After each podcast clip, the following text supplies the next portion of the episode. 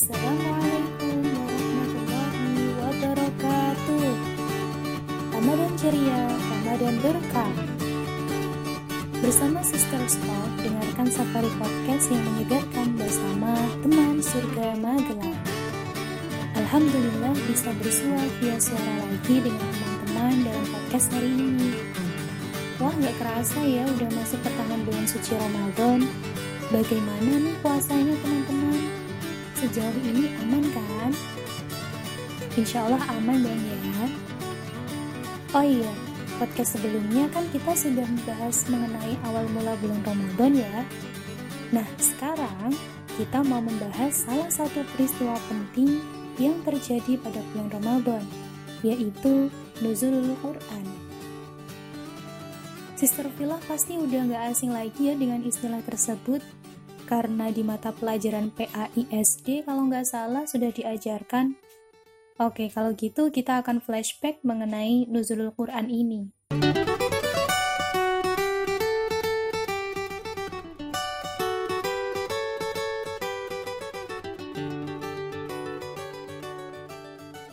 Nah, Nuzulul Quran ini secara harfiah berarti turunnya Al-Quran.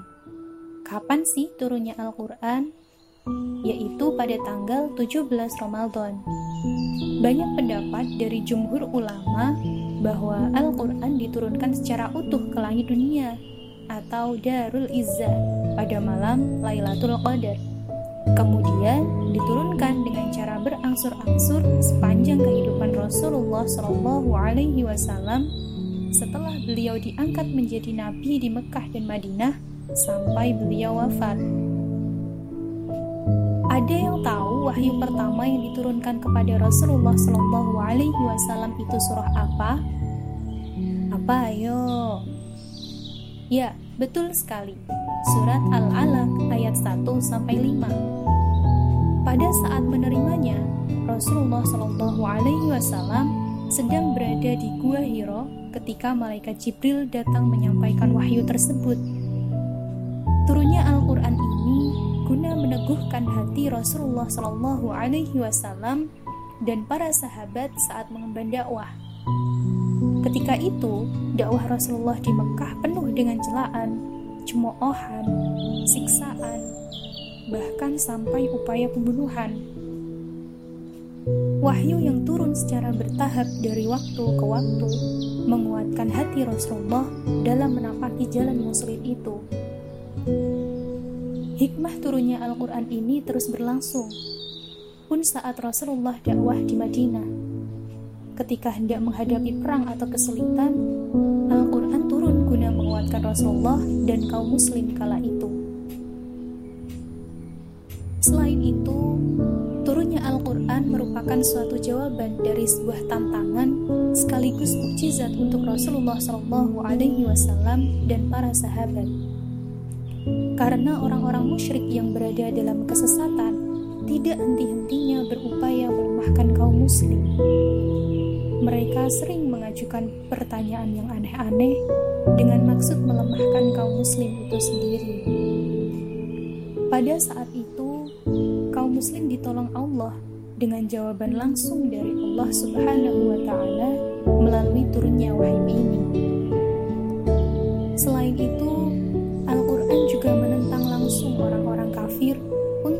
Membuat sesuatu yang semisal dengan Al-Qur'an.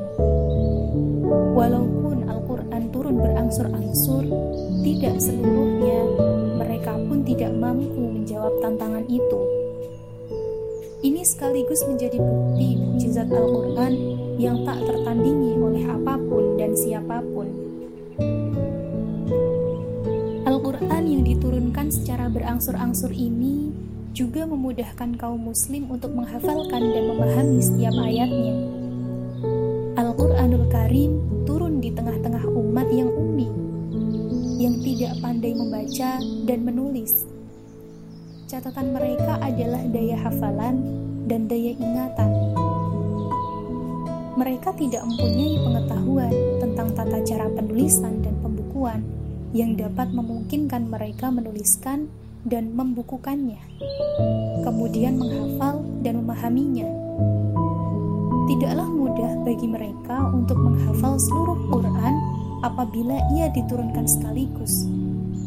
Dan tidak mudah pula bagi mereka untuk memahami makna serta memikirkan ayat-ayatnya. Jadi, turunnya Al-Quran Karim secara berangsur itu merupakan bantuan bagi mereka untuk menghafal dan memahami ayat-ayatnya.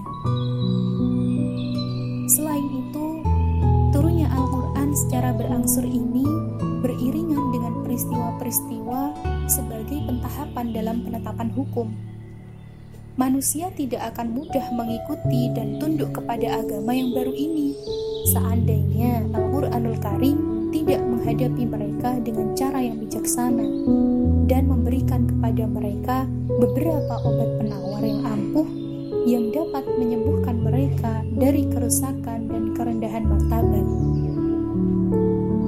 Setiap kali terjadi suatu peristiwa di antara mereka, maka turunlah hukum mengenai peristiwa itu yang menjelaskan statusnya dan petunjuk serta meletakkan dasar-dasar perundang-undangan bagi mereka sesuai dengan situasi dan kondisi satu demi satu. Dan cara ini menjadi obat bagi hati mereka. Yang terakhir menjadi bukti yang pasti bahwa Al-Quranul Karim diturunkan dari sisi yang maha bijaksana dan maha terpuji Allah Ta'ala Al-Quran yang turun secara berangsur kepada Rasulullah Shallallahu Alaihi Wasallam dalam waktu lebih dari 20 tahun ini ayat-ayatnya turun dalam selang waktu tertentu. Dan selama ini orang membacanya dan mengkajinya surah demi surah. Rangkaiannya begitu padat tersusun cermat sekali dengan makna yang saling bertaut disertai gaya bahasa yang begitu kuat serta ayat demi ayat dan surah demi surah saling terjalin bagaikan untayan mutiara yang indah yang belum ada bandingannya dalam perkataan manusia. Seandainya Quran ini perkataan manusia yang disampaikan dalam berbagai situasi, peristiwa, dan kejadian, tentulah di dalamnya terjadi ketidakserasian dan saling bertentangan satu dengan yang lainnya serta sulit terjadi keseimbangan. Sesuai dengan terjemahan ayat berikut, maka apakah mereka tidak memperhatikan Al-Quran? Kalau kiranya Al-Quran itu bukan dari sisi Allah, tentunya mereka mendapat pertentangan yang banyak di dalamnya. Quran Surat An-Nisa ayat 82 Nah, segitu dulu ya dear penjelasan mengenai nuzulul Quran kalau ada yang tanya nuzul Quran itu dan apa hikmah diturunkannya Al-Quran secara berangsur, kalian bisa menjawabnya. Nantinya ketika kita bisa menjelaskan kepada orang lain, insya Allah itu termasuk upaya dakwah kita dia. Sekian podcast hari ini, semoga bermanfaat. Tetap tunggu dan stay tune pada podcast selanjutnya ya. Semangat berlomba-lomba dalam kebaikan, jangan sampai lalai melakukan kewajiban, dan tetap istiqomah.